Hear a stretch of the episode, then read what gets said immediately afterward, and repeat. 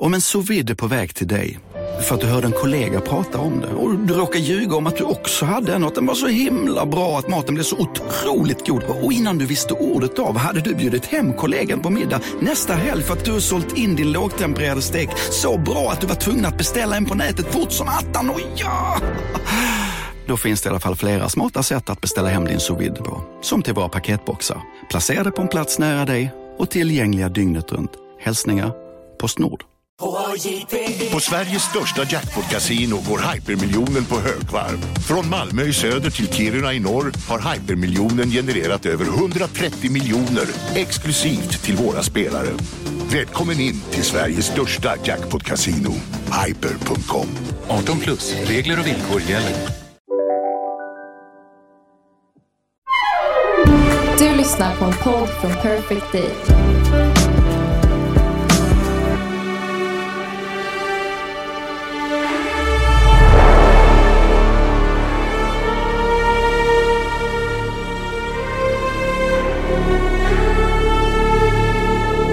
Sorry, with 40,000 protesters, obviously uh, a, a lot of people are making the effort. Why are people so angry? It's it's indicative of what's been happening to personal freedoms here. Um, the the current government have been chipping away at uh, freedom of speech. Um, the the secular uh, Republic of Turkey that Ataturk founded 90 years ago is slowly being overturned, and people are just tired of it. And it was the straw that broke the camel's back yesterday when the police raided Gezi Park at 5 a.m. and set fire to people's tents. From what am. you've seen there, do you foresee this situation getting worse? Uh, do you fear it's going to get worse? I don't exactly fear it's going to get worse, but I do think it's going to get worse. It would be a grave mistake not to see that humanity, people bravely going out to street against the tanks. And you cannot start a dialogue before uh, addressing uh, uh, uh, this very fragile, very dramatical moment in which people bravely protected democracy.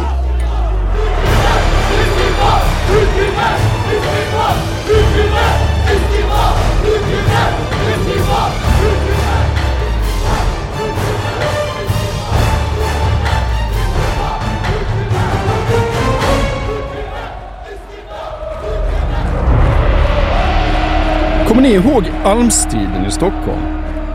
Nej, det gör ni säkert inte, men det handlade i alla fall om att de styrande i Stockholms stad 1971 hade bestämt sig för att fälla almarna i Kungsträdgården. Men allting avbröts ganska fredligt efter protester från invånare som på olika sätt demonstrerade i trädgården. Tänk er precis samma situation, men att kravallpolis dränker demonstranterna i tårgas, övervåldet haglar och människor dör. Tänk er då att anhängarna till AIK, Hammarby och Djurgården glömmer alla oförrätter och gemensamt ställer sig på demonstranternas sida och slåss mot polisen, till folkets jubel. Det där har hänt. Inte i Sverige, men i Turkiet under Besiktas anarkistiska ledning i Gezi-parken i Istanbul våren 2013. Om det och laget Besiktas säsong 2013-2014 ska vi prata om idag. Ja, och till att börja med vill jag passa på att konstatera att det finns någonting som känns orätt och orent i att det officiella världsrekordet för högsta ljudnivå som någonsin uppmätts på ett idrottsarrangemang inte tillhör vår fotbollssport. Det är ju faktiskt så att världsrekordinnehavare enligt Guinness rekordbok, ja, det är NFL-klubben Kansas City Chiefs som på sin Arrowhead Stadium med plats för 76 000 åskådare då nådde världsrekordnivå 2014. Det var sån här Monday Night Football och hemmaklubben mötte New England Patriots med Tom Brady. Och, alltså, jag ska inte raljera för mycket, för när jag först stötte på den här uppgiften så tänkte jag väl att det hade väl enbart varit ett jippo. Det hade varit någon gynnare nere på inneplan som hade sagt “Scream for me Kansas” och så skulle alla bara ha vrålat på given signal och på så sätt eh, så skulle den där rekordnivån uppnåtts. Men av vad jag har kunnat utröna så har väl de här Kansas City Chiefs faktiskt en egen läktartradition och de har sin tomahawk chop när hela publiken står och gör armrörelser. Men det är ju ofrånkomligen ändå någonting jippobetonat kring allt det här med Guinness rekordbok. Du måste ha bjudit in inspektörerna och de ska väl ha sina mätmetoder och instrument och allt ska väl på så sätt ske under ordnade former. Och det är väl där som jag tror att vår fotboll faller ifrån. För det är ju ingen sydamerikansk klubb med självaktning som orkar hålla på och bjuda in några inspektörer mm. och liksom ställer upp mätinstrumenten på ett eh, reglementssäkert sätt för att därmed vara med här och konkurrera. Men det ska ju faktiskt sägas att de turkiska storklubbarna med sitt läktarrykte under perioder har engagerat sig i detta. Galatasaray var världsrekordinnehavare innan några av de här NFL-klubbarna ja, man gjorde lite gimmick av att se till att slå rekordet. Men oaktat vad som nu står i den där boken och på den där webbsajten som tillhör Guinness, ja, då känner ju Besiktas att det egentligen är deras rekord. För de har haft inspektörer på plats någon gång långt tillbaka i tiden. Men om Guinness var där den 11 maj 2013, ja då försvann de i så fall någonstans i kaoset.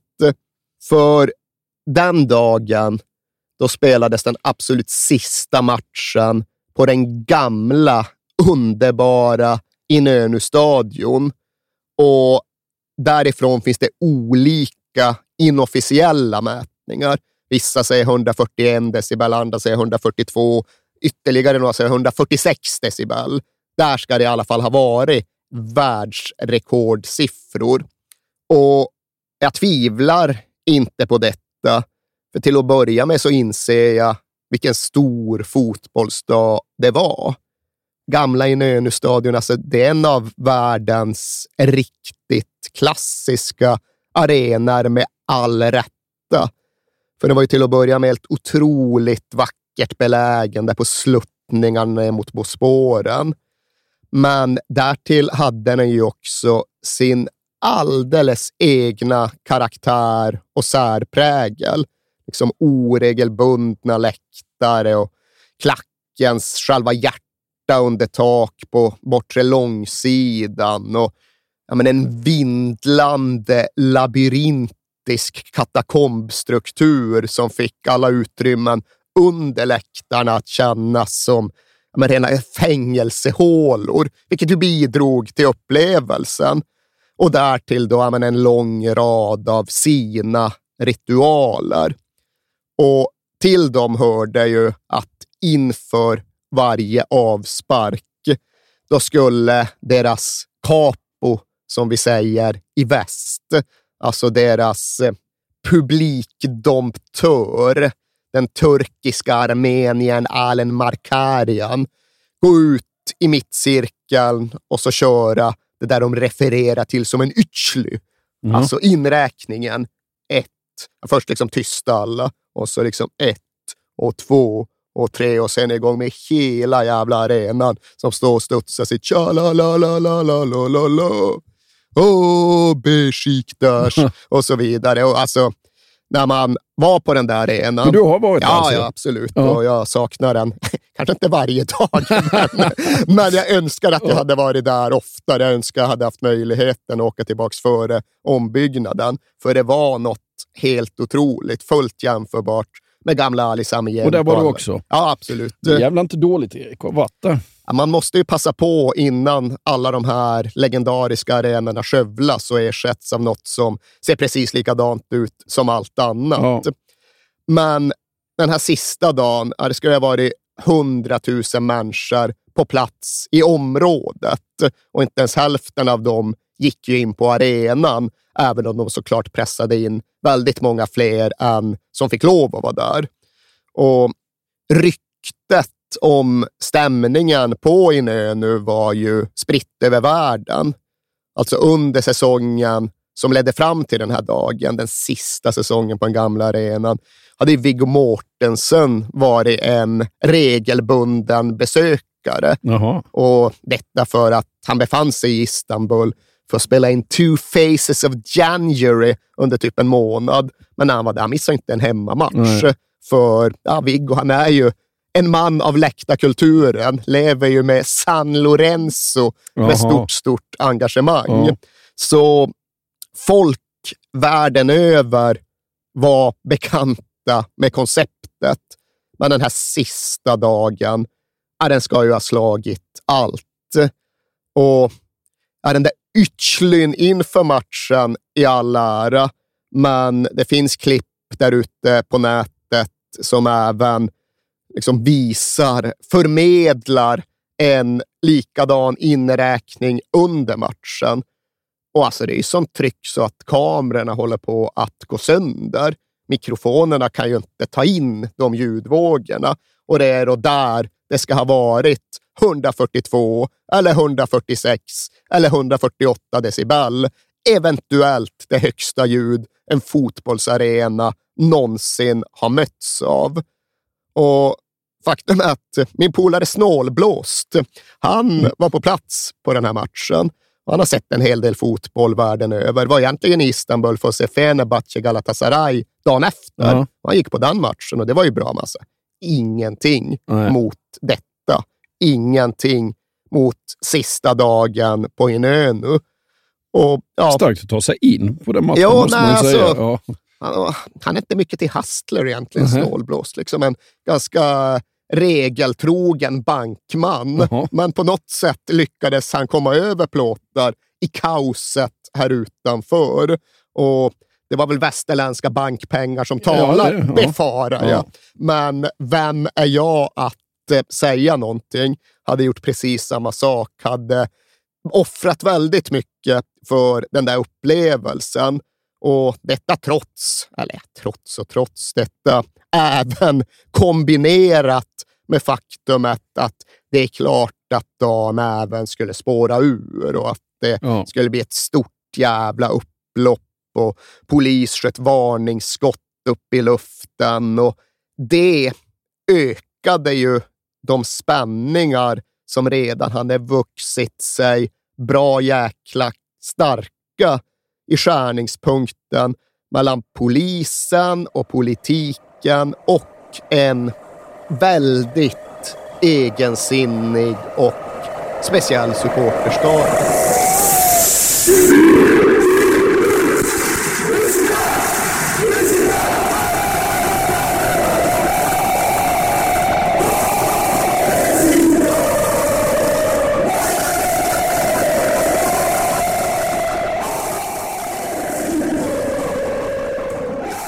Och den supporterskaran, eller deras ultras, heter ju Karsi va?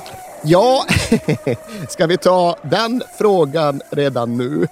Jag är ju inte något S på turkiska, Nej. men jag är ju i alla fall så pass eh, utsatt för fotbollsspråket att jag vet att klubben med reservation för C-ljud heter typ Besiktas snarare än Besiktas. Mm. Och den här centrala super, supportergrupperingen heter ju då typ Charshu. Charshu. Något sånt där Ja. snarare än Karsi. Nej. Men hur, hur vill du ha det? Hur Nej, ska vi jag, ha jag kommer inte kunna sitta och säga Charshu i hela det här programmet. Och jag kommer inte säga Besiktas. Du vill så- ha Besiktas. Ja, Problemet med att säga Karsi det är väl att något K-ljud, alltså det finns inte täckning för. Jag ska säga Charsi då. Charsi. Ja, okej. Okej, det... det- kan jag leva med. Ja. En usel kompromisslösning gissar jag. Nej, det, det klarar jag nog. Okej. Ja. Men det är så det ska bli. Besiktas och charsi. Besiktas och Charsi. Okej, Ja. ja. Ja, Nej, det är inte så att jag hade satt de där ske-ljuden oavsett, men jag hade absolut kunnat tänka mig att göra någon typ av försök och Besiktas. Ansträngning. nej. Men, men inte. Nej. Nej, men vi kan i alla fall börja med att lämna fotbollsplanerna för ett litet tag och ta oss till den politiska situationen i det sena 1970-talets Turkiet. Och det var ju ett land som befann sig i ett helt extraordinärt otäckt politiskt läge. För det var så mycket mycket dödligt politiskt våld under andra halvan av 1970-talet att det faktiskt är svårt att förstå med svenska mått mätt. Det var vänster, det var höger, det var för den delen även islamister, men framför allt eh, ideologiskt knutet politiskt våld. Och det här är alltså några få år då fler än 5 000 mördas utifrån de här premisserna och den här situationen. Det var alltså tio politiska mord om dagen Ja. under en rätt utdragen period. Och det var regelrätta dödspatruller. Och du hade liksom den turkiska hämndbrigaden på den ena sidan. Och det låter inte som några särskilt trevliga gossar. Men på den andra fanns ju sammanslutningar som får ja, men vår så kallade bokstavsvänster att framstå som ganska lättsummerad. Du hade till exempel den förträffliga falangen THKP-C slash MLSPB. Det är inget du sjunger i ramsor. du. Det är svårt att liksom bara smattra av sådär. Ja. Och det utläses översatt då ungefär den folkliga befrielsefronten av Turkiets marxist-leninistiska väpnade propagandaenhet. Okej. Och visst, det- rullar ju inte av tungan direkt. Det kan man inte påstå. Men sådana var aktörerna och sånt var läget som ju i förlängningen då ledde fram till militärkuppen 1980. Generalerna tyckte att den här jävla oordningen som staten då tycks vara helt oförmögen att ta itu med, att den är det upp till oss att eh, undanröja med större vapen och hårdare tag. Och därefter följde ju då några barska, bistra lag och ordning-år. Men det fanns en del av samhället som inte kuvades, eller kanske som snarare läts hållas utifrån någon sån här opium till folket-tanke. Och det var ju fotbollen. Mm. Och fotbollen i Turkiet, i Istanbul, på den här tiden, ja, den hade ett väldigt tydligt centrum under just dessa år. Och detta centrum låg i, inte Besiktas, i Besiktas. Ja, ja. Och som fysisk plats är Besiktas en stadsdel, ett arbetarområde med vänstertradition. Och i den stadsdelen höll man på klubben som blev en typ av oppositionsklubb, outsiderklubb. Och det hade både att göra med var de kom ifrån och hur det brukade gå för dem. Vågar man säga att det är lite Hammarby eller? Ja, du kan våga säga det ifall du orkar med alla invändningar kring att eh, myten om Hammarby inte har någon substans längre. Nej, men- eller att myten om Besiktas inte heller är vad ni tror att den Nej, är. men jag tänker lite, det, det är ändå likt Stockholm. Det är tre storklubbar i, i huvudstaden. Liksom. Ja, men det finns ju något i rötter och ursprung. Liksom arbetarområde, lite bohemstämpel, för den delen lite loserstämpel också. Ja, ja. Här är det 1980. Det hade väl gått typ 15 år sedan Besiktas hade vunnit ligan. Och okej, okay, Hammarby hade inte vunnit ett enda SM-guld vid motsvarande tid, men ja, tydligt tredje klubben i den stora staden. Utmanarklubben, oavsett om vi pratar fotbollen på planen eller läktarlivet utanför. Men just här i skarven mellan 1970 och 1980-tal så var det ändå besiktas som allt kretsade kring. För både Galatasaray och Fenerbahce höll på att bygga om sina respektive arenor och därför fick de lov att spela på Inönu under en övergångsperiod. Och detta ledde då fram till Inönukrigen. Krigen som framför allt kom att handla om ja, men den rent territoriella makten kring arenan, läktarna och framför allt då den täckta långsidan. Ja, det, låter, det låter ju jävligt trassligt att ha alla tre samlade på en plats i en sån jättestad. Ja, liksom. och trassligt blev det. Mm. Och trassligt fick det tydligen lov att fortsätta vara. För det var inte så att militärstyret bara gick in och städade bort allt det här, utan det finns ju politiska uttolkare som menar att ja, men, de lät fotbollsfolket hållas, för det var bättre att de kanaliserade sin upprorslusta i detta snarare än i politisk kamp. Ja, det. Men ja, det här var ju långt före sanerade, säkra, segregerade fotbollsarenor. Så till sak hör ju verkligen att när det var match så ja, öppnades det bara upp vändkors och så var det första man på plats som valde vart han, för det var inte jättemånga kvinnor på de här Nej. matcherna, vart han skulle stå. Det var inte så att ja, men en läktare går till Besiktas och en går till Galatasaray, utan ni får väl ställa er där ni tycker att ni ser bäst. Mm. Och detta ledde ju till regelrätta fältslag om den här långsidesläktaren som var arenans hjärta. Där skulle besiktas då, men det var inte helt lätt att ta det för givet när det välde in 20 000 morska gossar från den asiatiska sidan av sundet. Mm. Och de som ja, men mer än några andra åtog sig att försvara detta läktarrevir, det var då grabbarna från Charsi.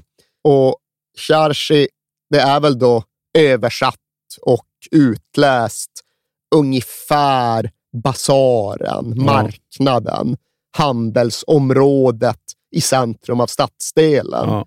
Och i den här, jag kan inte säga gallerian, för det var det verkligen inte, i den här, runt den här basaren, där hängde mycket tonårskillar som hade tid och som hade rastlös energi i kroppen och som även levde för och med fotbollsklubben. Och från början var det bara ett kompisgäng, liksom några dussin tonåringar som gick på matcherna tillsammans. Men i takt med att de på ett tydligt och hyfsat organiserat sätt ställde sig i den här frontlinjen vecka efter vecka blev de en grupp som folk runt dem började referera till som en etablerad enhet. Där kommer grabbarna från marknaden. Där kommer Charshi.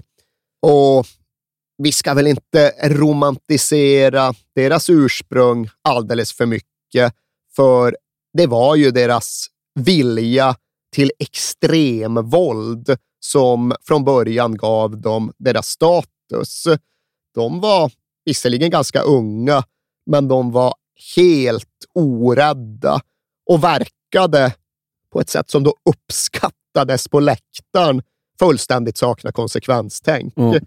De gjorde ju allt för att försvara den här långsidan och i detta allt låg att de till en början ja, men, tog plats utanför ingångarna ja, men, ett dygn före match. Mm. Och sen höll de ingångarna med tillhyggen och vapen tills inkräktarna var bortdrivna.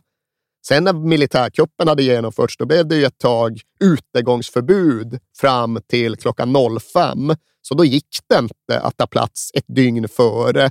Men klockan 05.01, ja då kom siluetterna fram ur skuggorna och då stod de där vid sina insläpp och sina entrékors och fortsatte lite halvt då med militärens välsignelse att utkämpa sina inönukrig. Och hur vi än ser på detta, hur vi än värderar detta, kan vi bara konstatera att grabbarna i kärnan av hela den här röran, ja, de är ju lika besjungna, lika mytologiserade i Besiktas supporterled som de mest legendariska spelarna är. Liksom Jem Jakiskan och Ayhan Gynar. Optik Bashkan. Optik Bashkan, som till och med du då känner till och kan referera till. Den så kallade optikchefen Mehmet Issiklar. Ja, det här är Besiktas legendarer.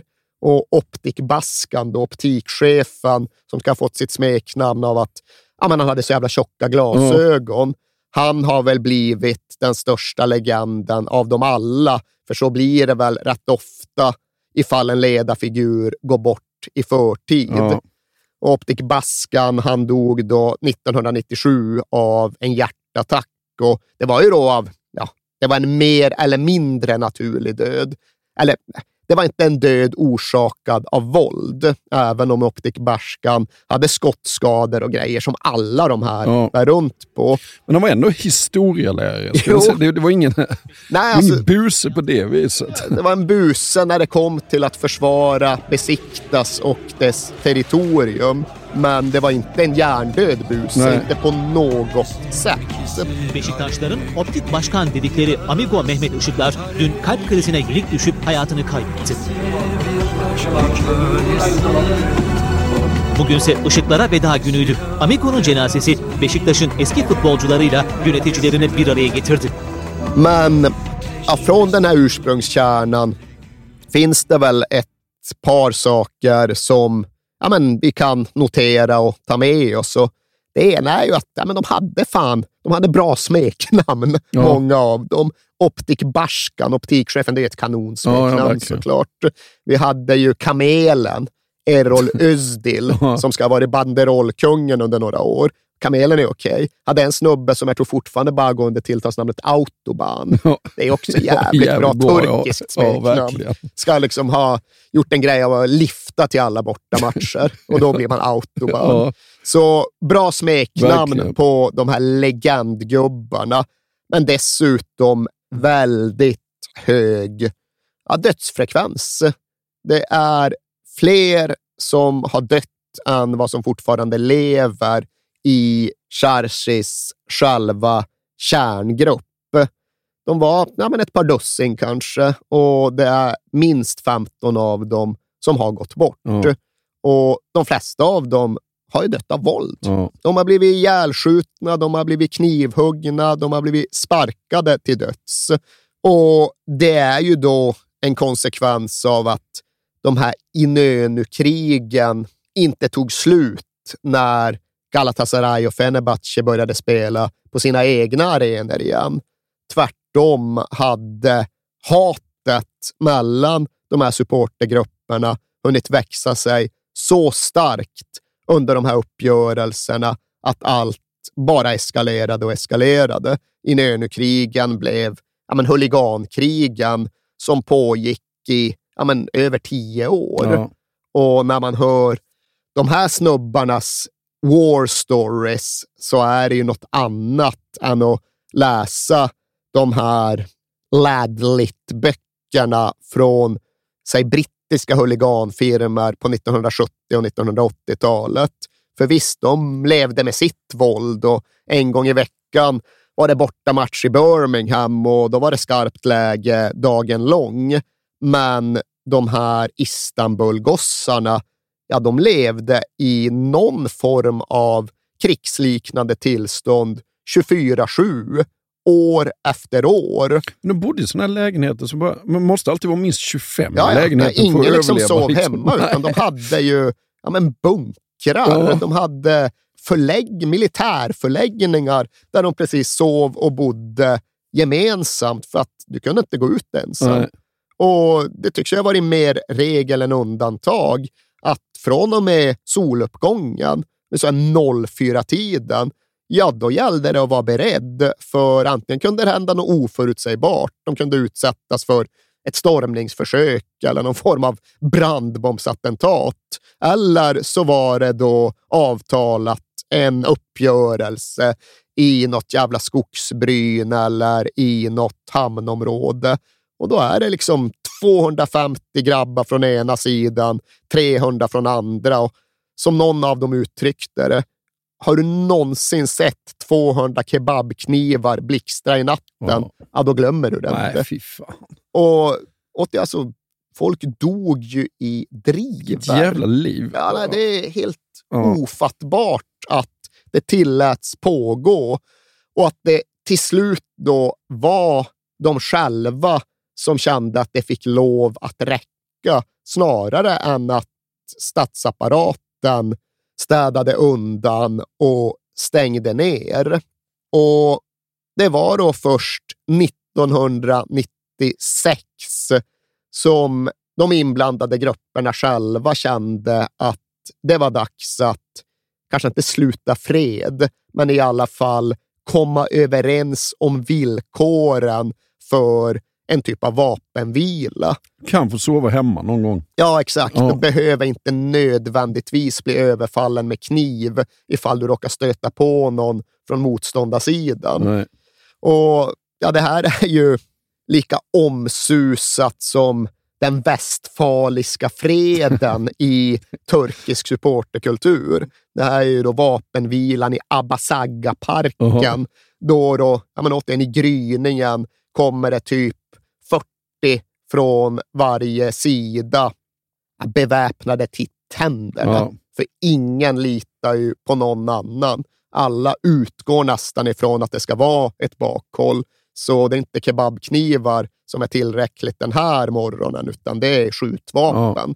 Alla är beredda på någon form av slutuppgörelse, men alla håller sig tillräckligt kalla, tillräckligt mycket i skinnet för att det faktiskt ska vara möjligt att förhandla fram villkor som i alla fall innebär ett slut på det här totalt vettlösa dödandet. Ja.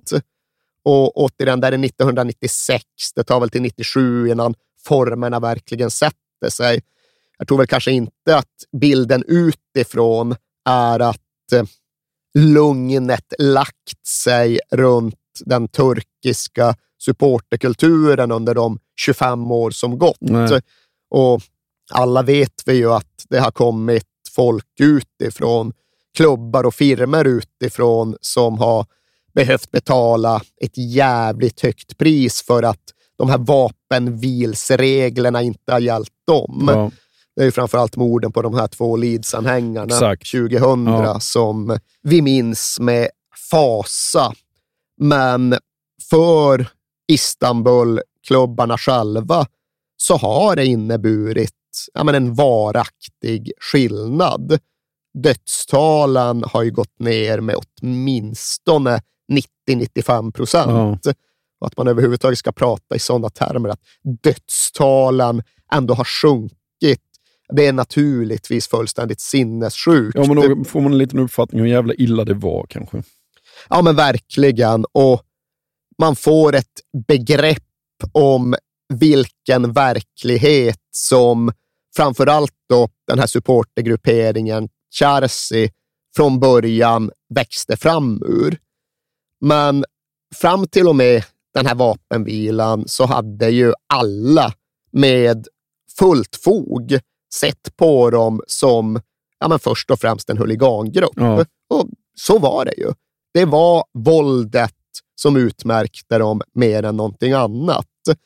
Men de hade också alltid haft en annan sida, en annan utgångspunkt.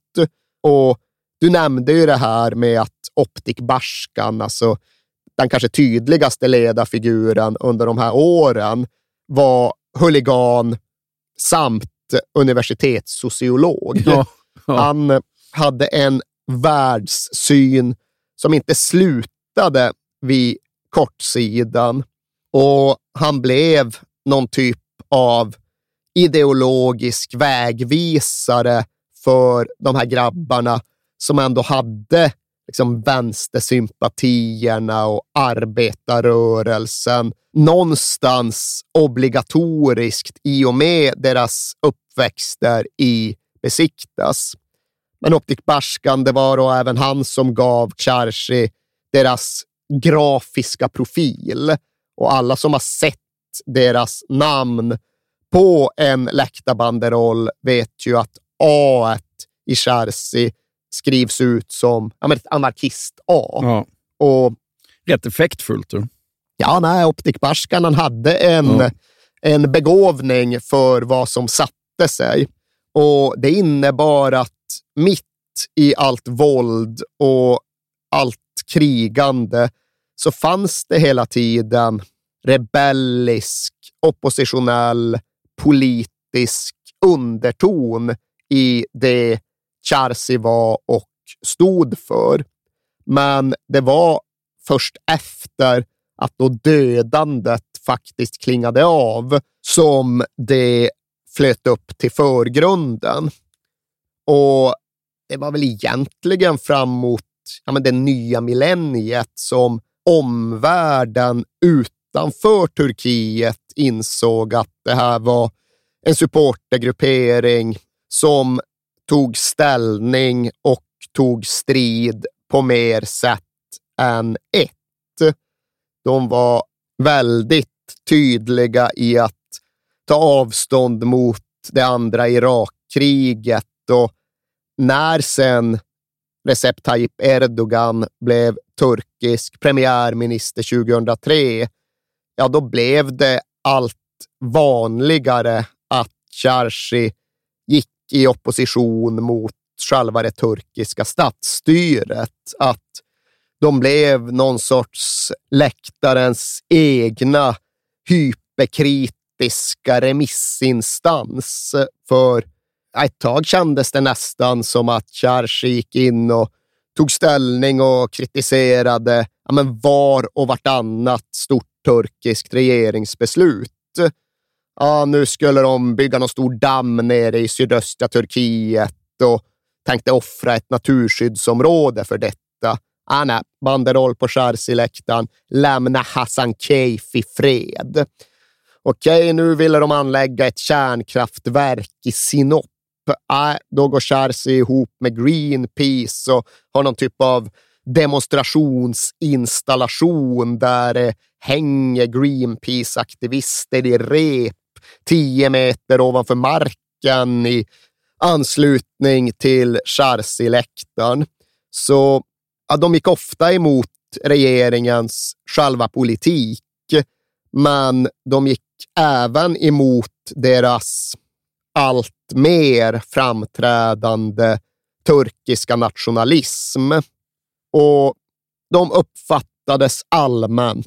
De såg nog även på sig själva som några som var rebelliska, som stod i opposition och som för den delen även förespråkade politisk förändring. Och där blev kontrasten mot det turkiska statsstyret allt tydligare och allt mer explosiv.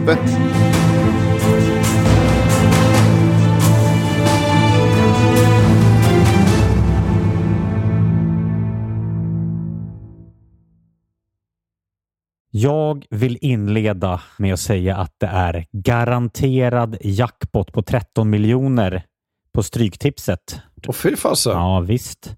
Skulle du behöva 13 miljoner eller? Ja, det skulle jag verkligen. Men vi måste säga först att vi är ju sponsrade av Stryktipset. Ett spel från Svenska Spel, Sport och Casino för dig över 18 år. Yes, och stödlinjen.se finns där för dig om du har problem med ditt spelande. Nej, men 13 miljoner jackpot på Stryktipset, det är ju inte fel. Nej, då är det faktiskt dags att ladda en rejäl rad här känns det som. Mhm. Vet du vad som inte heller är fel? Nej. Födelsedagsfirandet och alla härliga Mm. historier vi får in. Exakt, Mm. för vi är ju mitt inne i Stryktipsets 90-årsfirande som vi firar med att läsa upp fantastiska historier från våra lyssnare som skickar in dem till kings at perfectdaymedia.se. Precis, bomba på nu. Det är åtta månader kvar på det här firandet, så att, eh, vi kör nu. Mycket Stryktipshistorier vill vi ha Mm. och i dagens har vi fått från Peter som skriver så här. Hej på er och tack för en helt otrolig podcast. Den har räddat mina veckor i snart fyra år. Tack så mycket Peter. Min historia är ganska färsk, men den om när det vände på stopptid gav kanske inte de största pengarna, men känslan i mig består. Jag spelar ofta för lite mindre pengar på Stryket, följer fotbollen men är långt ifrån en nörd. Och allt såg väldigt bra ut senast, förutom på min etta på Manchester United mot Brentford. Var ändå väldigt, eh, var ändå väldigt nöjd med hur resten satt. Men på stopptid satte min nya favoritspelare, skotten McTominay, två mål och vändningen fullbordades. 64 rader blev 12 000 kronor. Tack för en bra Det är podd. otroligt. Ja. Tack för en bra historia Peter. Ja, och som man älskar Scott McTominay. Gör man inte det? Ja, det, gör man faktiskt. Han liksom kommer in i straffområdet jävligt bra faktiskt. Mm. Vi säger stort tack till våra vänner på Stryktipset. Tack.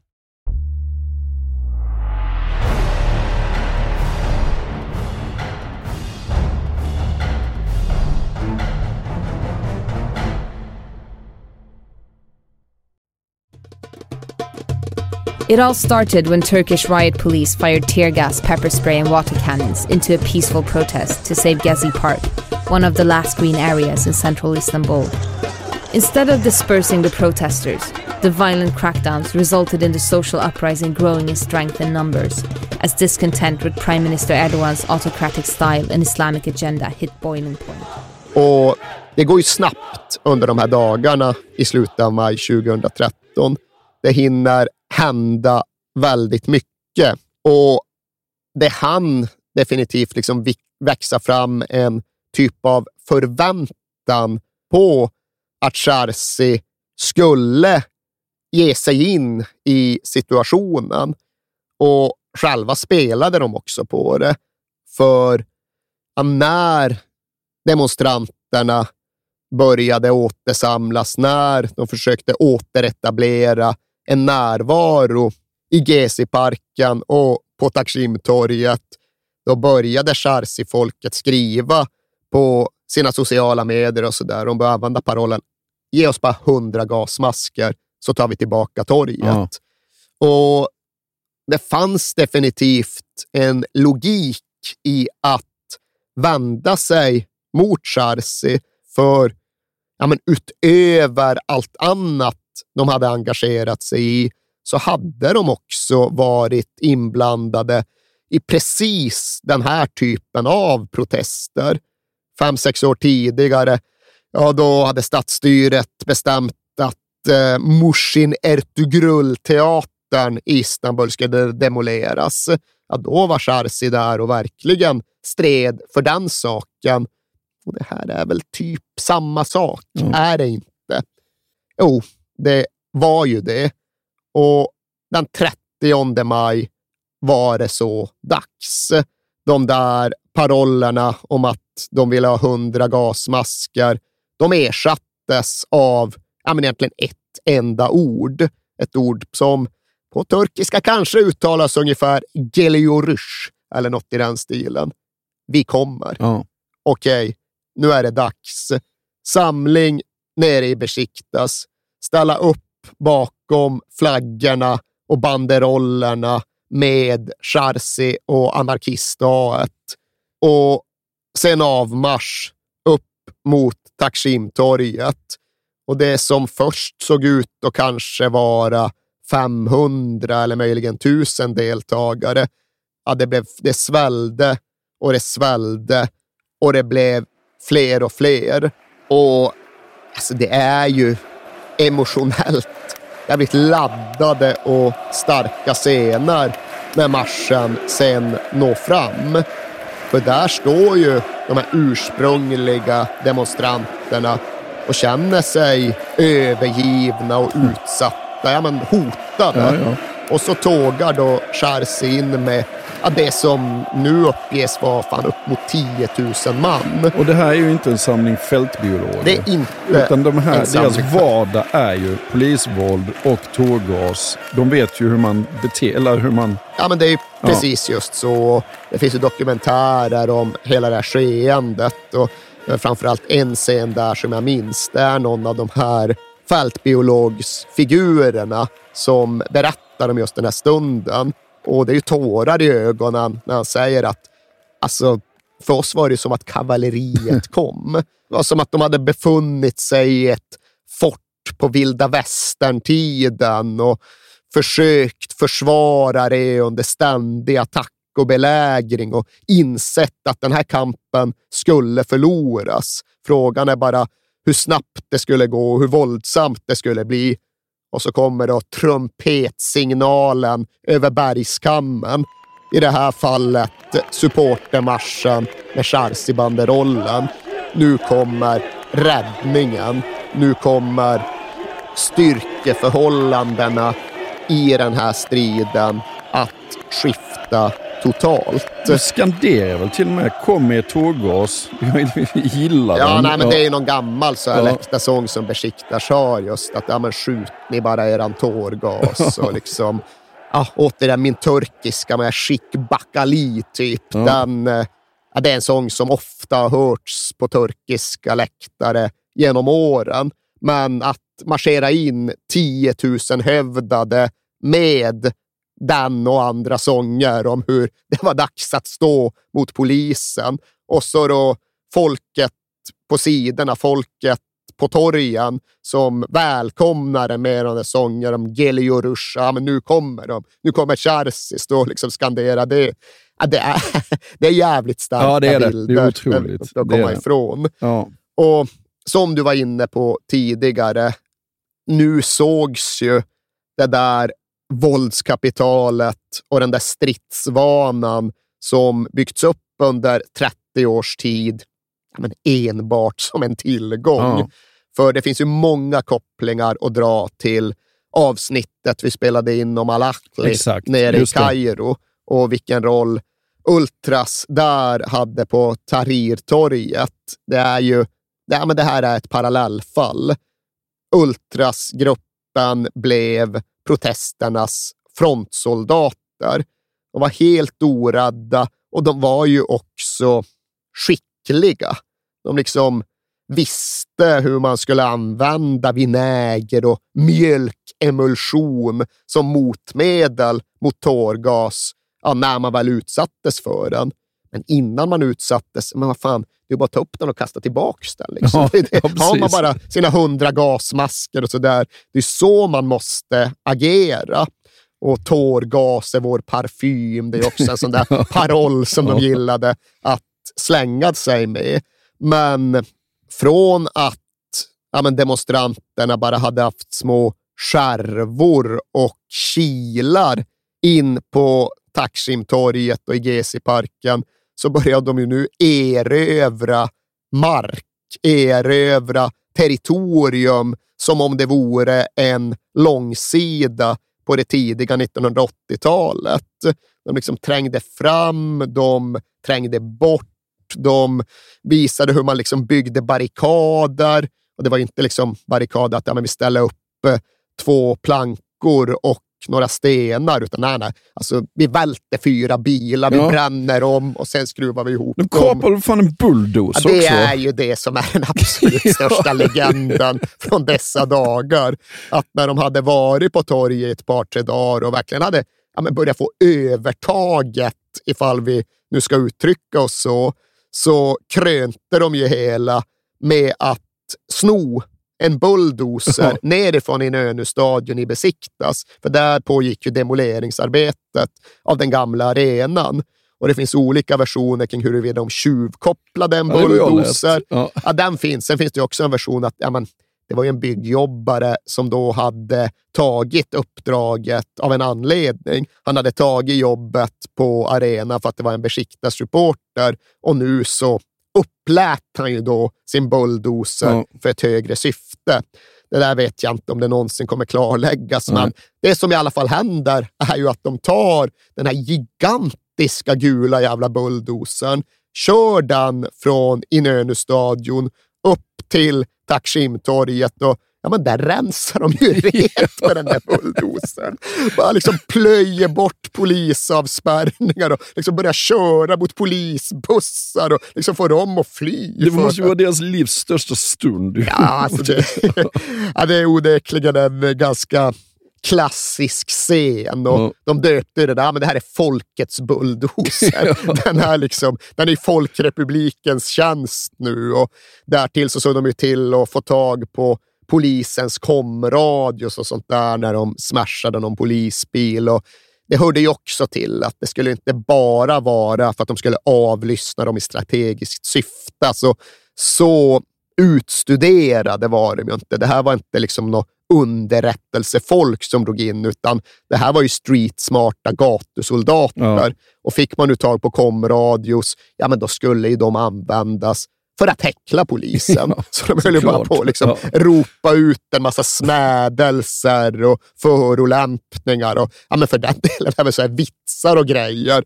För att det också låg i linje med vilka Charsi ville vara. De ville ju vara de hårdaste killarna i kvarteret, men de ville även vara de fräckaste och liksom roligaste killarna i kvarteret. Och det är rätt svårt att bygga den myten bättre än att glida runt på folkets bulldozer, jaga bort polisen och sen häckla dem över deras egna Ja. kommunikationsfrekvenser. Ja, vilken... Fantastiskt.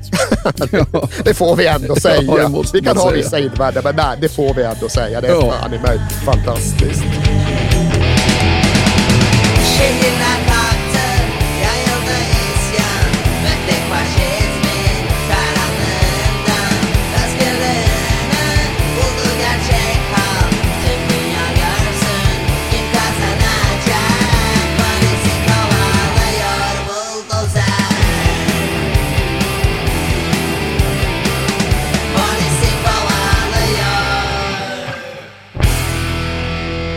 Men hur utvecklar sig protesterna då? Ja, till att börja med som en enorm seger för den här folkliga resningen. För förstärkta av Charsi och beväpnade med folkets bulldozer så lyckas de inte bara freda parken utan ja, men faktiskt även återta den. Och det är inte bara en fråga om liksom, utgången av gatans eget fältslag, utan det som sker är att i ljuset av den enorma kraften i de här landsomfattande protesterna så ordnas det fram ett domstolsbeslut på att frysa hela det här demoleringsprojektet för att någonstans försöka dämpa upprördheten och lugna känslorna. Och efter det domstolsbeslutet, ja, då får ju polisen order att retirera. Ja. Oavsett ja, vad som nu är liksom den faktiska anledningen till att polisen lämnar GC-parken och Taksimtorget så kan du ju föreställa dig själv liksom vilken eufori det medförde. Nu, ah, nu var ju parken befriad. Nu var Istanbuls centrum befriat. Nu använder de där ytorna till att liksom upprätta någon typ av väldigt provisorisk folkrepublik. Och där var det ju peace, love and understanding. Ja. Liksom, det var Woodstock 69 snarare än Woodstock 99. Ja, ja, jo. Det var flower power och hippies och love is all around med det. Nej, men det var, liksom, fe- det var någon typ av festivalstämning. Ja. Konserter och workshops och yogastunder och seminarier och pop-up-bibliotek och kanske framför allt då den där översvallande och förföriska förbrödringen.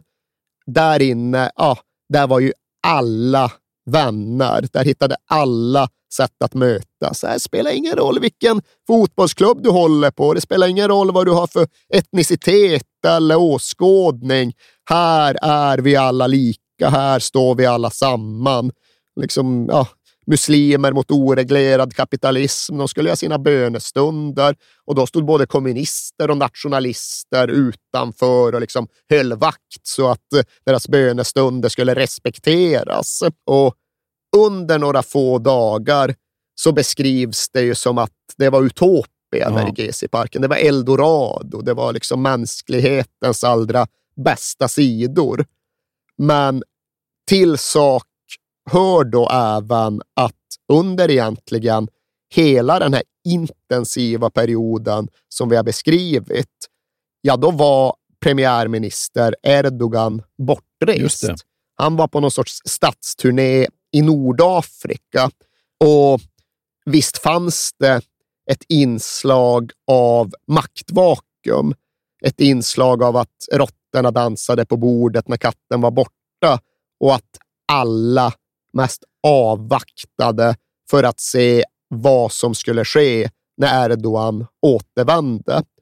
Och det gjorde han då den 7 juni.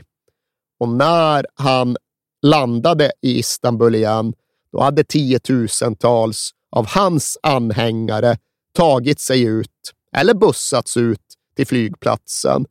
Och det ska vi ju säga att kraften i de massmötena, den var också djävulskt stark och på sitt sätt rätt skrämmande. Ja.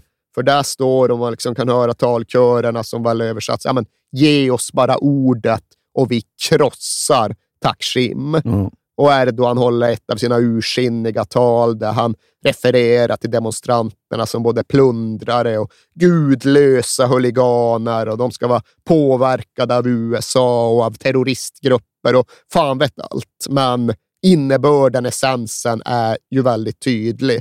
Erdogan står där och säger att detta kommer att få ett omedelbart slut. Mm. Och slutet blir faktiskt inte omedelbart för Jersey och alla bakom dem, de håller ut bakom sina barrikader i några nätter. Men den 15 juni, då går det till sist inte längre. För ja, men det finns naturligtvis en gräns för hur länge folkets bulldozer kan stå emot kolonner av bepansrade militärfordon. Ja. Och när de väl går in och rensar torget, alltså de tömmer ju så mycket tårgas att eh, Lützendimman bleknar. Ja. Alltså tårgasen, den sprider sig så mycket att den känns av den får effekt i en annan världsdel. Alltså den sprider sig över Bosporen till den asiatiska sidan av Istanbul och liksom där är det jobbigt. Ja. På andra sidan vattnet, flera kilometer bort från Taksimtorg och GC-parken. Ja, det är så mycket tårgas att ja, du har inte vinäger nog Nej. för att på något sätt stå emot det.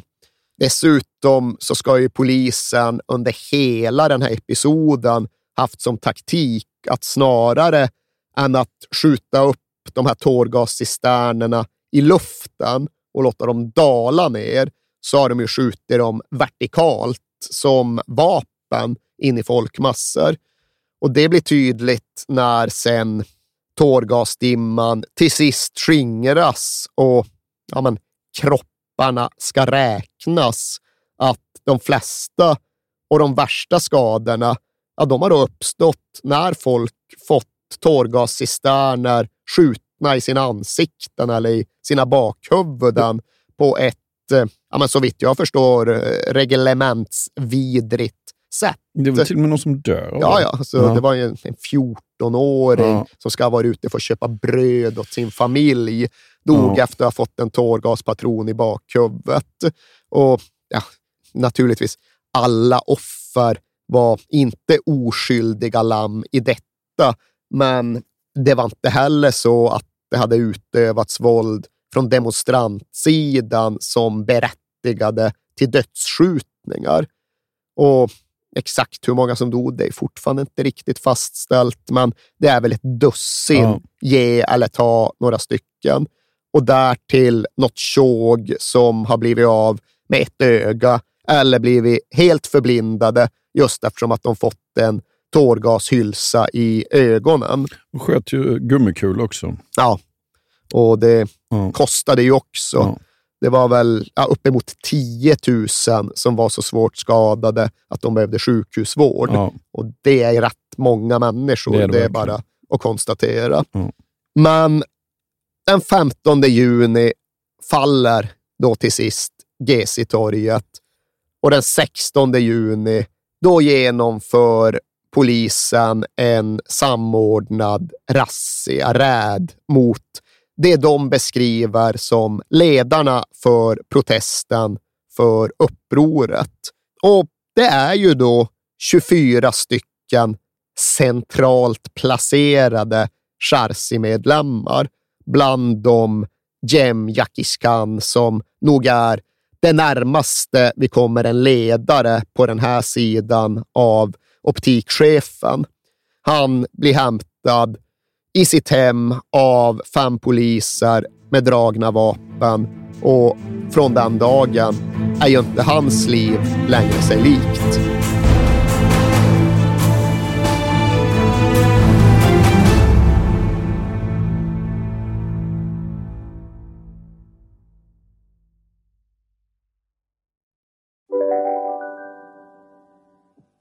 Hej, Synoptik här.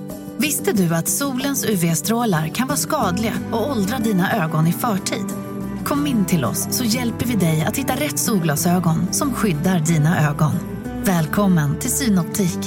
Välkommen till Momang, ett nytt smidigare kasino från Svenska Spel, Sport och Casino där du enkelt kan spela hur lite du vill. Idag har vi Gonzo från spelet Gonzos Quest här som ska berätta hur smidigt det är. Sí, es muy excelente y muy rápido. Tack Gonzo. Momang, för dig över 18 år. Stödlinjen.se. Välkommen till Unionen. Jo, jag undrar hur många semesterdagar jag har som projektanställd och vad gör jag om jag inte får något semestertillägg? Påverkar det inkomstförsäkringen? För jag har blivit varslad, till skillnad från min kollega som ofta kör härskarteknik på möten och dessutom har högre lön trots samma tjänst. Vad gör jag nu? Okej, vi tar det från början. Jobbigt på jobbet. Som medlem i Unionen kan du alltid prata med våra rådgivare. Och hur- ser laget besiktas ut här vid den här tiden? Det är väl lite slimmat, eller vad man nu ska säga. Det är några av de största namnen, de här lite ålderstigna utlandsimporterna som nu fasas ut. Liksom Quaresma är borta. Istället så eftersöker den här nya sportchefen lite mer ungdom, lite mer hunger. För den delen även lite mer turkiskt. Men de hade Hugo Almeida som skulle vara den stora målskytten. Ja. Och det blev han ju aldrig. Nej. Vart han än spelade i hela sin karriär, den här portugisiska powerklumpen. Men de hade också en kille som hette Olkay Shahan som kreatör som kom från ett stort genombrottsår. Och så värvade de som satan den här sommaren. Det hände mycket med truppen. Många ut, många in. Och ja, men en blandning av etablerat och lite mer oprövat. De tog in Tolga Zengin från Trabzonspor som ny målvakt och det var ett väldigt säkert kort. Ja. Han var en högt ansedd, rutinerad högsta ligamålvakt där i Turkiet. Och sen tog de in Atiba Hutchison Ja. och honom minns vi ju såklart från det att Öster värvade honom från Toronto Lynx för 20 000 dollar då han bara var 19. Jävligt spetsig scouting av dåtidens Öster, det måste Ja, man säga. ja. Och Det som är lite svårt att få ihop, det är ju att det redan hade gått ett årtionde sedan detta hände. Atiba hade redan haft en lång karriär i Europa, från Växjö till Helsingborg, över Köpenhamn ner till Eindhoven och kommer nu till Besiktas som 30-åring. Och det är helt obegripligt. Det går inte att få ihop, för han spelar ju fortfarande. Ja. Nu ytterligare ett årtionde därefter, då är han alltjämt kapten för Besiktas. Ja. Men där fick de ju till en fullträff, för han har ju vuxit fram till ja, men en av klubbens stora. Ja. Han har blivit en historisk profil under ett årtionde i Besiktas. Och det är ju genom att vara ja, men ett hyperproffs. Ja. Alltid pålitlig, alltid noggrann, alltid plikttrogen. Och jag ska inte säga att i motsatta änden av skalan, men i närheten av den motsatta änden av skalan, ja, där hittade vi ett annat av de stora sommarförvärven här. Gökan Töre, en tysk-turk som Bilic sett i Ryssland, där ju Slaven Bilic coachade Lokomotiv Moskva med uselt resultat. Deras liksom sämsta ligaplacering någonsin. Medan Gökan Töre ja, men gjorde en del kaos nere i Rubin Kazan. Ja. Så på honom fanns det stora förhoppningar. Men ja, när allt kom omkring, och det gjorde det ganska snabbt, så var ju ändå det här, nej men allt detta var underordnat. Visst, det skulle väl bli spännande att se ifall Gökan Töre kunde dribbla på ett vägvinnande sätt, men all nyfikenhet, alla förhoppningar, all fruktan kretsade ju kring vad som skulle hända på och runt läktarna på andra sidan Gezi-parken. Nu skulle Charsi, och för den delen alla Turkiets fotbollssupportrar återvända till läktarna. De skulle än en gång stifta bekantskap med sina gamla fiender i polisen. De skulle förhålla sig till statsapparaten och ingen kunde säga vart allt det skulle ta vägen. Men att statsapparaten, den hade ju förberett sig för det som gjordes från politiskt håll den här sommaren.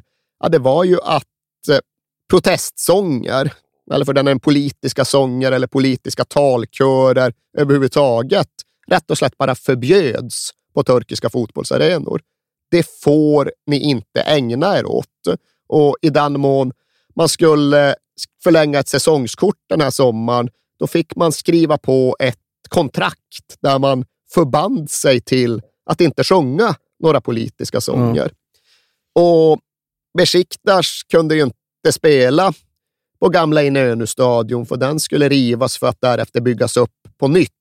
Så de fick hålla till ute på den gudsförgätna och impopulära Olympiastadion.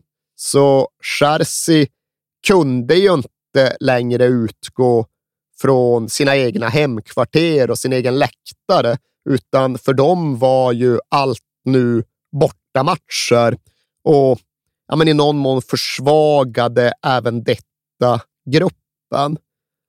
Men trots då allt detta, trots förbudet mot politiska sånger, trots en oälskad och oländig provisorisk arena, så går Besiktas ut och närmar sig avspark i säsongspremiären mot Trabzonspor. Och det är så mycket folk och det är så mycket antistatliga sånger och ramser att statstelevisionen finner det ju för bäst att bara muta publikljudet Ja. in mot avspark. De stänger mer eller mindre av ljudet Ja. från matchen för att det, detta får inte sändas. Detta får inte nå den turkiska allmänheten. Och på samma sätt som Gezi och Taksim från och med nu blir ord som är synonyma med motstånd och protest, så blir den siffran som finns på Istanbuls registreringsskyltar, siffran 34, synonym med Gezi och Taksim. Säga 34, att klottra 34, det blev någonstans detsamma som att visa att man sympatiserade med protesterna. Och på fotbollsarenorna över egentligen hela Turkiet de här första veckorna av säsongen 2013-2014 så blev också siffran 34 på matchuret en signal för att det var dags att göra sin röst hörd. Förbud mot politiska sånger, inte i matchminut 34. Egentligen inte någonstans. För så fort matchuret tickade över under den här första omgången så skanderades det och högst skanderades det såklart på Besiktas hemmamatch. Och det var den här parollen här ger Taksim, här ger Direnish, som med reservation för uttal betyder Taksim är överallt, motstånd är överallt. Mm.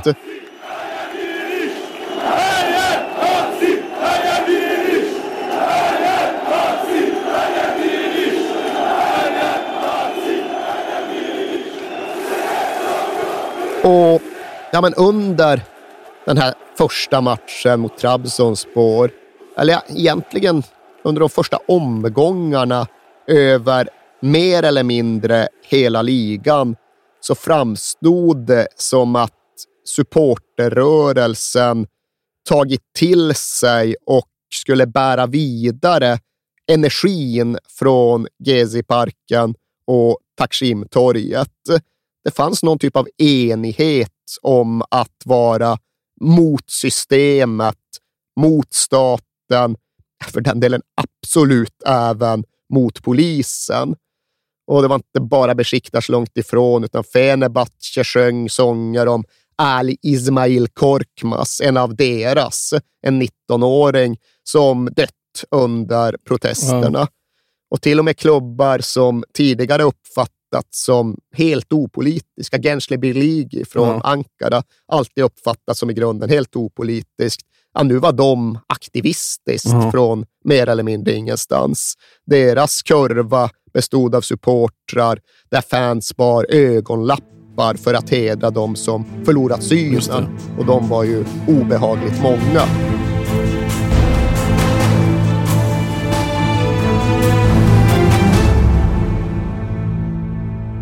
Och de hade rullat rätt bra här i början. De, går, de vinner fyra raka, har 11-2 i målskillnad och Billage måste liksom spinna som en liten katt. Alltså de leder ju serien när det tio dagar efter det här beskedet om åtal mot Chersi är dags för ja, men höstens stora match. Derbyt mot Galatasaray. På den här tiden dominanterna från Galatasaray. För okej, okay, Besiktas hade fyra raka vinster och serieledning, men Galatasaray hade sedan ett drygt halvår tillbaka både Didier Drogba och Wesley Schneider i laget. Ja. Och de hade vunnit ligan några månader tidigare med typ 10 poäng. Ja. De var dessutom några få månader ifrån att slå ut Juventus ur Champions League. Så det är ett riktigt jävla starkt Galatasaray. Ja. Och trots att Besiktas tar ledningen så vänder Galatasaray till 2-1 genom två Drogba-mål.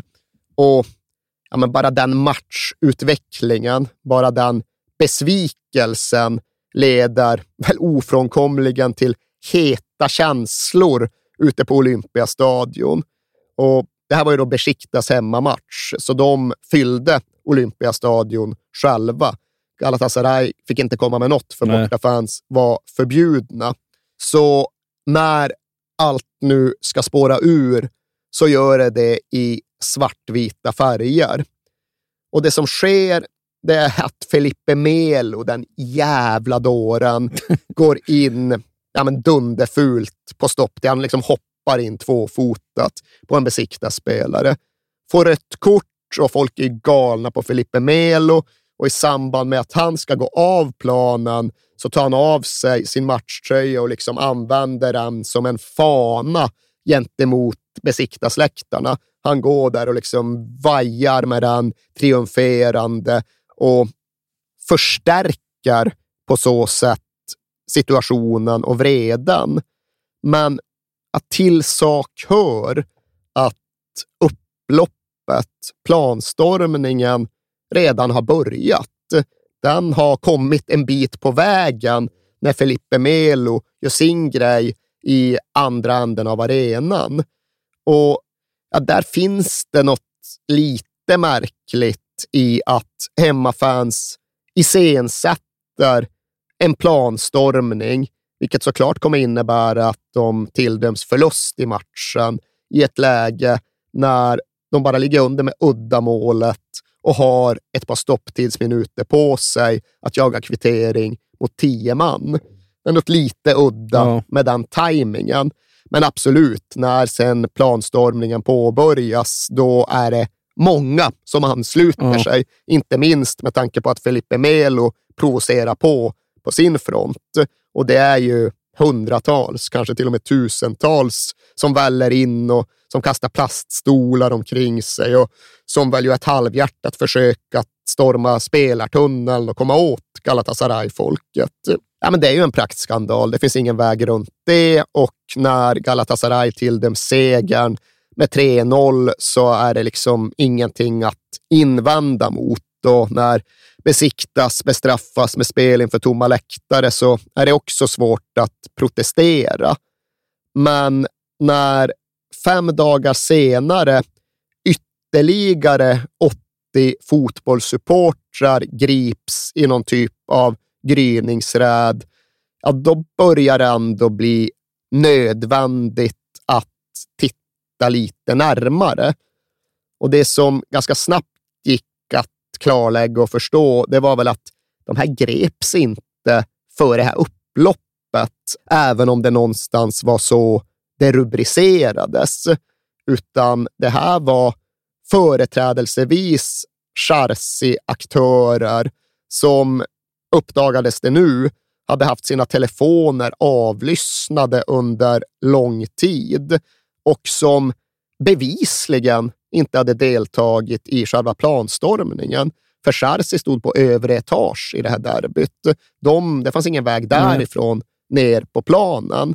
Så att de greps och senare åtalades, det hade väl mer att göra med anknytningar till det som hänt i Gezi-parken även här och en typ av allmänt misskrediterande av Charsi. Kolla här, nu är det 80 till gripna, inte nog med de som ska åtalas för att försöka störta regeringen. Nu har vi de här huliganerna som eh, hade med den här planstormningen att göra också. De hade ju inte med planstormningen mm. att göra, men okej, vilka genomförde egentligen den? Och det är alltjämt ganska mystiskt faktiskt, för det visade sig i polisutredningen att de digitala vändkorsen var manipulerade och att många hade tagit sig in utan biljett och utan att på så sätt registreras. Och Det var också så att eh, matcharrangemanget hade skurits ner från 1530 till 970 ordningsvakter utan förklaring. Så fanns det en massa uppgifter om att planstormarna, i alla fall de som gick i täten, hade skanderat islamistiska slagord, vilket inte alls var något som Charsi befattade sig med. Mm. Och det är fullt möjligt att allt detta bara är en enda, ett enda stort virvar av konspirationsteorier. Men det finns då ja, men rätt många runt Besiktas som menar att det här är ja, men en, en förtäckt typ av operation. Beställningsjobb. Ja, de här liksom 1453-örnarna som kommit från ingenstans och som sen försvann ut i ingenting kort därefter, som plötsligt företrädde ja, men ett besiktas som stod för nationalism och islamism och liksom lojalitet mot regeringen. Att de ja, men skapats som en typ av politiskt projekt under täckmantel. Att det någonstans var men, hired goons, ja, liksom inhyrda ja. hejdukar som utförde detta som en typ av beställningsjobb och som väl liksom i täten för planstormningen sen drog med sig andra. Och vad fan vet jag? Nej. Men jag vet ju i alla fall att misstänksamheten som gav den här typen av tankespår näring, att den blev snabbt starkare och starkare inom Besiktas under den här hösten. För där det tidigare hade funnits en enighet var det nu som att alla pekade fingrar mot varandra och att det haglade beskyllningar kors och tvärs. Och fotbollen går ju sämre parallellt. Ja, för ja, en direkt konsekvens av upploppen i derbyt mot Galatasaray, det var då att Besiktas tvingades spela utan publik på hemmamatcherna i tre månader. Oj. Och när de väl fick börja spela för fans igen, då fick de lov att hålla till på Kasim Pasas arena. Den som alltså ligger i Erdogans hemkvarter och som är döpt efter Erdogan. Och under perioden då de spelar för tomma läktare, då vinner de bara tre på tio. Och ja, där ryker egentligen säsongen. Ja. De sjunker ner till en fjärde plats. De ligger plötsligt nio poäng efter Fenerbahce som toppar. Och ja, drömmen om en titel försvinner egentligen ja, men redan här under hösten.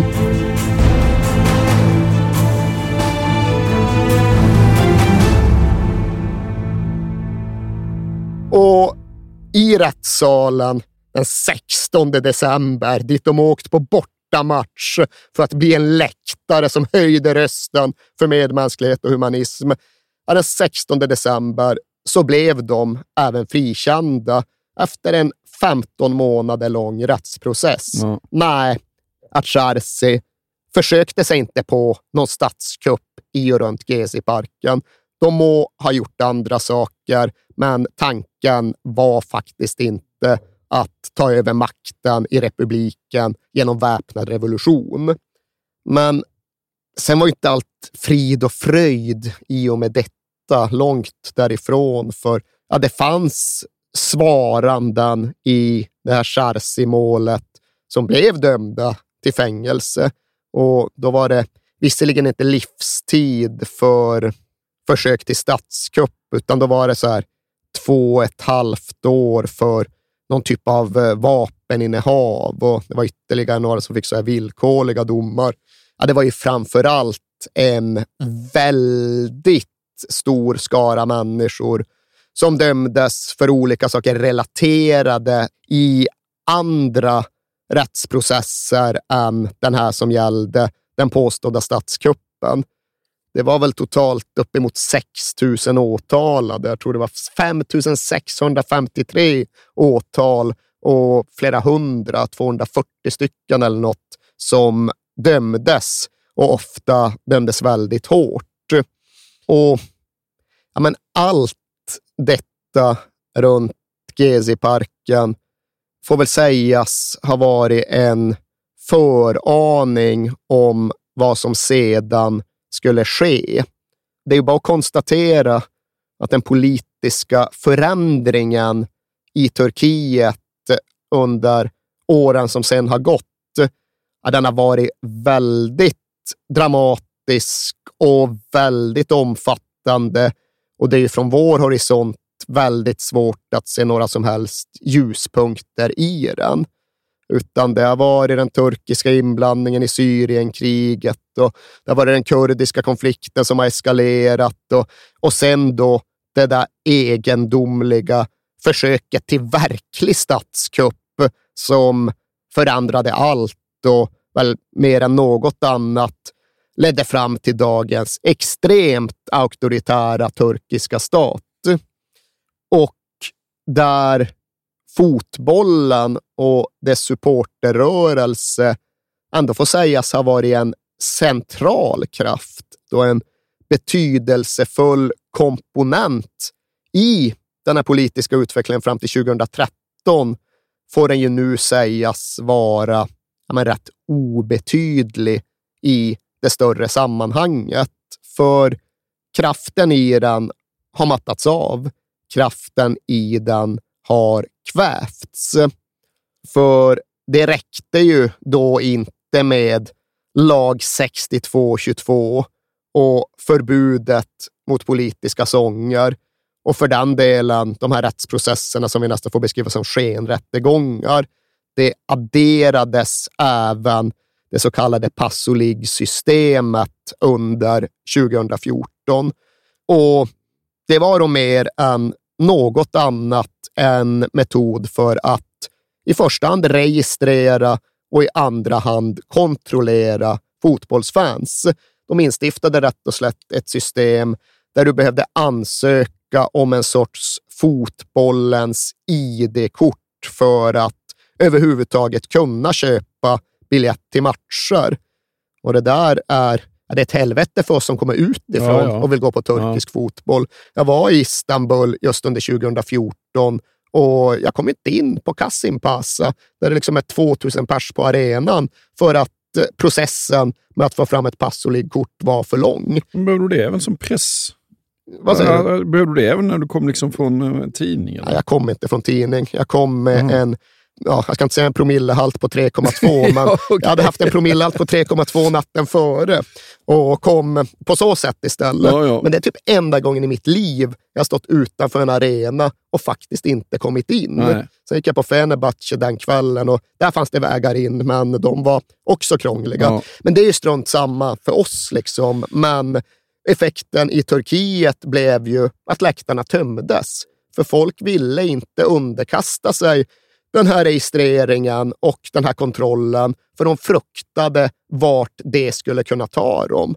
Dessutom var hela registreringsprocessen knuten till någon jävla Erdogan-bank som skötte om hela proceduren och det avskräckte också folk med rätta. Och alltså, följden blev döden för de turkiska läktarna. Plöts, den plötsliga döden. Alltså publiksnittet halverades säsongen då de införde pass och det var ju framförallt de aktiva supportrarna, kortsidorna, kurvorna som valde att sluta gå. Ja, det, vi gör inte på de här villkoren. Gençler Birliği, du vet den förträffliga svenskklubben, de tappade 90 procent av sin publik. Är det fortfarande så? Ja, det är ju fortfarande så att den där jävla registreringen förblir intakt. Sen är det ju också så att många som har kämpat och protesterat emot har ja, tvingats resignera för att de inte ser någon väg att upphäva Nej. detta. Och då blir det någonstans att, ska jag aldrig mer gå på fotboll? Ja. Nej, då registrerar de sig till slut och så går de dit. Men så gör de det lite kuvade och lite splittrade. Det är liksom inte alls den här liksom otämjda, otyglade kraften från kortsidan längre. Nej. Och det är klart det är tryck på de stora matcherna och i vissa städer så är uppslutningen som förr, men det är absolut något centralt som gått förlorat och det märks kanske tydligare på Besiktas nya arena snarare än någon annanstans. För Chelsea finns ju kvar, Ja. men framförallt kanske många av dem som var med förr skulle säga att ja, men det inte längre är det gamla Chersi, det riktiga Chersi. Att själen och hjärtat någonstans lite har gått lite förlorat. För, ja, som de då själva säger, förut, ja, då gjorde vi allt. Visst, vi slogs, men vi formulerade även våra budskap och våra banderoller och vi liksom var synliga och tog vårt ansvar i både lokalsamhället och på ett nationellt plan. Idag, allt vi gör är att sjunga sånger om ett fotbollslag på en läktare. Ja. Det är inte ingenting. Det är Nej. inte det jag säger, men det är inte vad det var förr. Men jag förstår det ju. Jag förstår till hundra procent för det var bara några år sedan, om det var 2017 eller 2018, som Chelsea ändå ja, man gjorde en relativt sett, ja, med deras mått mätt, ganska harmlös markering. De vecklade ut en banderoll till stöd för två akademiker som hade påbörjat en hungerstrejk efter att de hade tvingats bort från sina jobb. Det gick någon dag. Sen så greps de som stod bakom banderollen i sina hem och anklagades för att citat ha spridit terroristpropaganda. Ja, ja. Ja, det är ju både själva åtalet i sig och också den skoningslösa identifikationsprocessen. Ja. Förut gick det ju att vara anonym på en läktare. Idag är det helt omöjligt i Pasolig-korten och Erdogan-statens Turkiet. Ja. Och liksom värst av allt utifrån just den här berättelsen. De där 35 som stod inför rätta och riskerade livstidsfängelse för försök till statskupp i december 2014, men som frikändes. Nu är de åtalade igen. Ja. Det är ju den turkiska kassationsdomstolen som är någon typ av variant av appellationsdomstol, alltså en institution som kan upphäva domar, som gjorde just detta med det här utslaget. Det är alltså i april i fjol, Ja. 2021, nästan sju år efter förkunnat frikännande, så säger de app, app, app. Vänta lite här, nu är det folk som har tänkt igenom grejen, fundera ett varv till. Så nej, det här måste vi pröva igen. Och liksom, en sån situation uppstår ju liksom inte Nej. bara. Det är inte så att rättssamhällets kvarnar har malt tålmodigt och nu är den framme vid den punkten. Utan här är ju någon som har pekat uppifrån och lagt ner sin politiska tyngd på ett rättssystem som inte klarat av att stå emot och som aktivt har sagt att nej, det här fallet, det ska vi öppna igen. Och när det öppnas, då görs det av en anledning. Ja, det är klart. Och ja, detta fortgår ju då i detta nu. Jag har inte sett något datum för när det då till sist ska avgöras. Men ja, oaktat fruktan för vad som ska ske den dagen så är det ju redan så att ja, men de här personerna naturligtvis har det här svarta jävla spökmolnet hängande över sig precis hela tiden. Och enbart vetskapen om det räcker ju mer än väl för att jag ska begripa att går man på nya Inönü-stadion, ja då går man dit och så säger man tjalalala, heja besiktas och inte så jäkla mycket mer. Nej. Det finns ju liksom ingen annan väg. Men ja, när man tänker så, så är det ju också så väldigt lätt att bara fastna i tanken där det framstår som att allt som hände i och runt Gezi-parken, allt som människorna där stod för och kämpade för, nu är förlorat och utplånat. Men ja, det vägrar de ju själva att ställa upp på. Och jag, liksom, jag känner svensk-turkiska besiktarsanhängare som har döpt sina barn till Gezi bara för Ja. vad ordet symboliserar. Och jag har ju hört den här centralfiguren Jem Yakishkan bedyra att det folk lärde sig i Gezi, vad de påmindes om, det var värdet av gemenskap och solidaritet. Och så länge som det finns två människor kvar som förstår det och som säger jag är en medlem av Charsi och vet vad det står för, så länge kommer den andan att leva vidare. Gå med mig. Bakom skuggor ser du solen.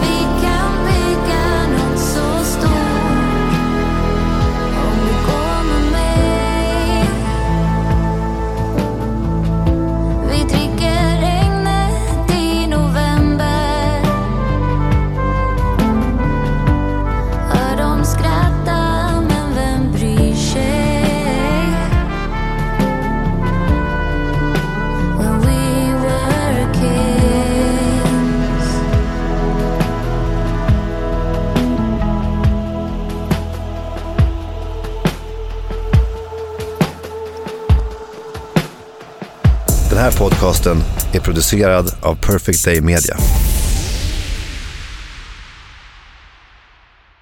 Ja, det blir inte svårt att få till en enkel. 3,22. Känns som att sådär, fan vad snabbt det gick. Ja, verkligen. Halvdag liksom. En ny inspelning nu eller? Ja, ja, precis.